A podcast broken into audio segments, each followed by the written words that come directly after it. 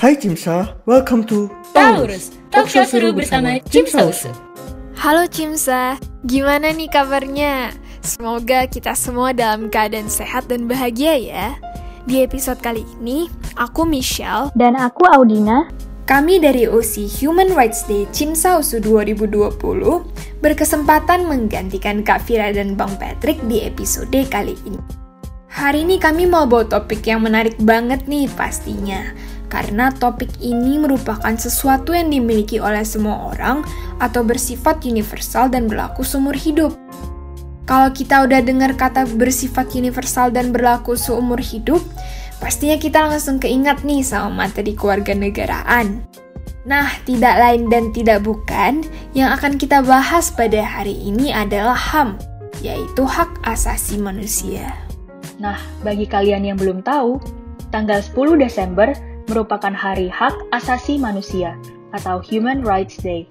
Jadi, 22 tahun yang lalu, tepatnya tahun 1948, Dewan Umum PBB mendeklarasikan Universal Declaration of Human Rights, yaitu deklarasi yang berisi tentang hak yang tidak dapat diganggu-gugat ataupun dicabut oleh siapa pun terkait hak sebagai manusia.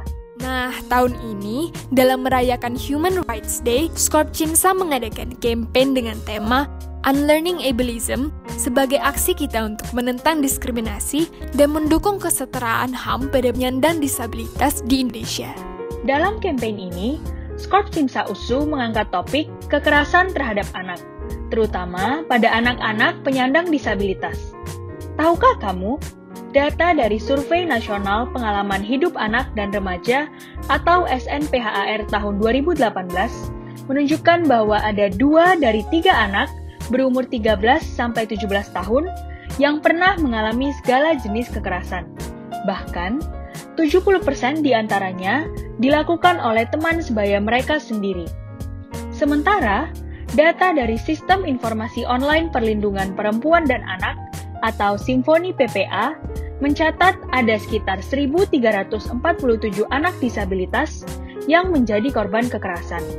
Bentuk kekerasan yang dialami juga bermacam-macam, mulai dari diskriminasi hingga bullying, baik di lingkungan sekolah, masyarakat, bahkan di lingkungan keluarga. Kekerasan terhadap anak merupakan aksi pelanggaran HAM loh teman-teman.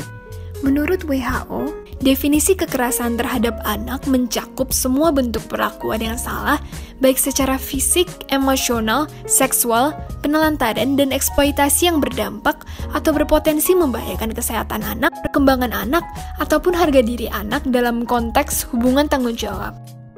Hal ini juga diatur dalam pasal 28B ayat yang kedua yang berbunyi, setiap anak berhak atas kelangsungan hidup, tumbuh dan berkembang, serta berhak atas perlindungan dari kekerasan dan diskriminasi. Berarti, semua anak berhak mendapat perlindungan dari kekerasan ini ya, Michelle? Iya nih, Audina. Menurut pasal 1 ayat 2, Undang-Undang Nomor 23 Tahun 2002 tentang Perlindungan Anak, perlindungan anak adalah segala kegiatan yang menjamin dan melindungi anak dan hak-haknya agar dapat hidup, tumbuh, berkembang, dan berpartisipasi secara optimal sesuai dengan harkat dan martabat kemanusiaan, serta mendapat perlindungan dari kekerasan dan diskriminasi. Wah, ternyata negara kita juga sudah ada upaya ya untuk melindungi hak anak. Namun sangat disayangkan nih, angka kekerasan kita masih tetap ada dan terbilang tinggi loh Michelle pada paruh pertama tahun 2020 ini.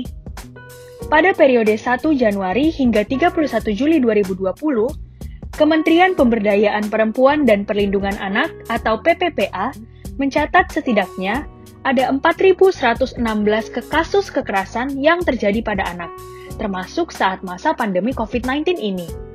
Juga berdasarkan Sistem Informasi Online Perlindungan Perempuan dan Anak atau SIMOVA PPA, mencatat ada sekitar 3.296 anak perempuan serta 1.319 anak laki-laki yang menjadi korban kekerasan. Mirisnya, kasus kekerasan terhadap anak ini bisa diibaratkan seperti fenomena gunung es yang menggambarkan situasi di mana sebagian besar masalah tidak nampak, tidak dilaporkan, dan tersembunyi dari pandangan.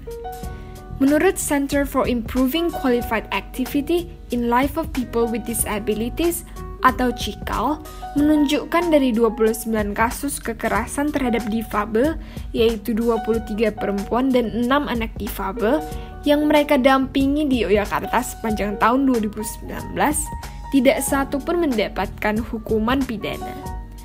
Ternyata kasus kekerasan terhadap anak ini masih banyak ya, terutama pada anak difabel.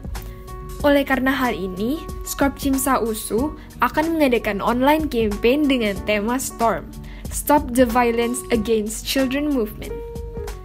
Boleh diceritakan nih Audina, apa sih tujuan dari online campaign ini? Oke, baik Michelle. Nah, jadi Storm ini merupakan sebuah online campaign yang menolak kekerasan terhadap anak dengan memberikan edukasi melalui video, infografis, dan juga Twibbon yang nantinya akan dilaksanakan di Instagram nih teman-teman. Juga akan ada local training Cimsa Usu yang diadakan dengan harapan wawasan serta kepekaan teman-teman mengenai kekerasan terhadap anak dapat meningkat. Wah, bagus banget ya kegiatan-kegiatannya. Kapan nih online campaign-nya bakal dilaksanain? Wah, iya dong Michelle, pasti bakal bagus dan seru banget kegiatannya. Online campaign ini bakal dilaksanain tanggal 27 Desember 2020. Teman-teman, jangan lupa untuk berpartisipasi ya dalam campaign ini. Dengan kamu berpartisipasi, kamu sudah ikut berperan dalam menciptakan lingkungan yang ramah dan bebas kekerasan terhadap anak. Stop the violence against children movement. Sampai jumpa di podcast Taurus selanjutnya, hanya di Spotify. Jimsa, empowering medical student, improving nation's health.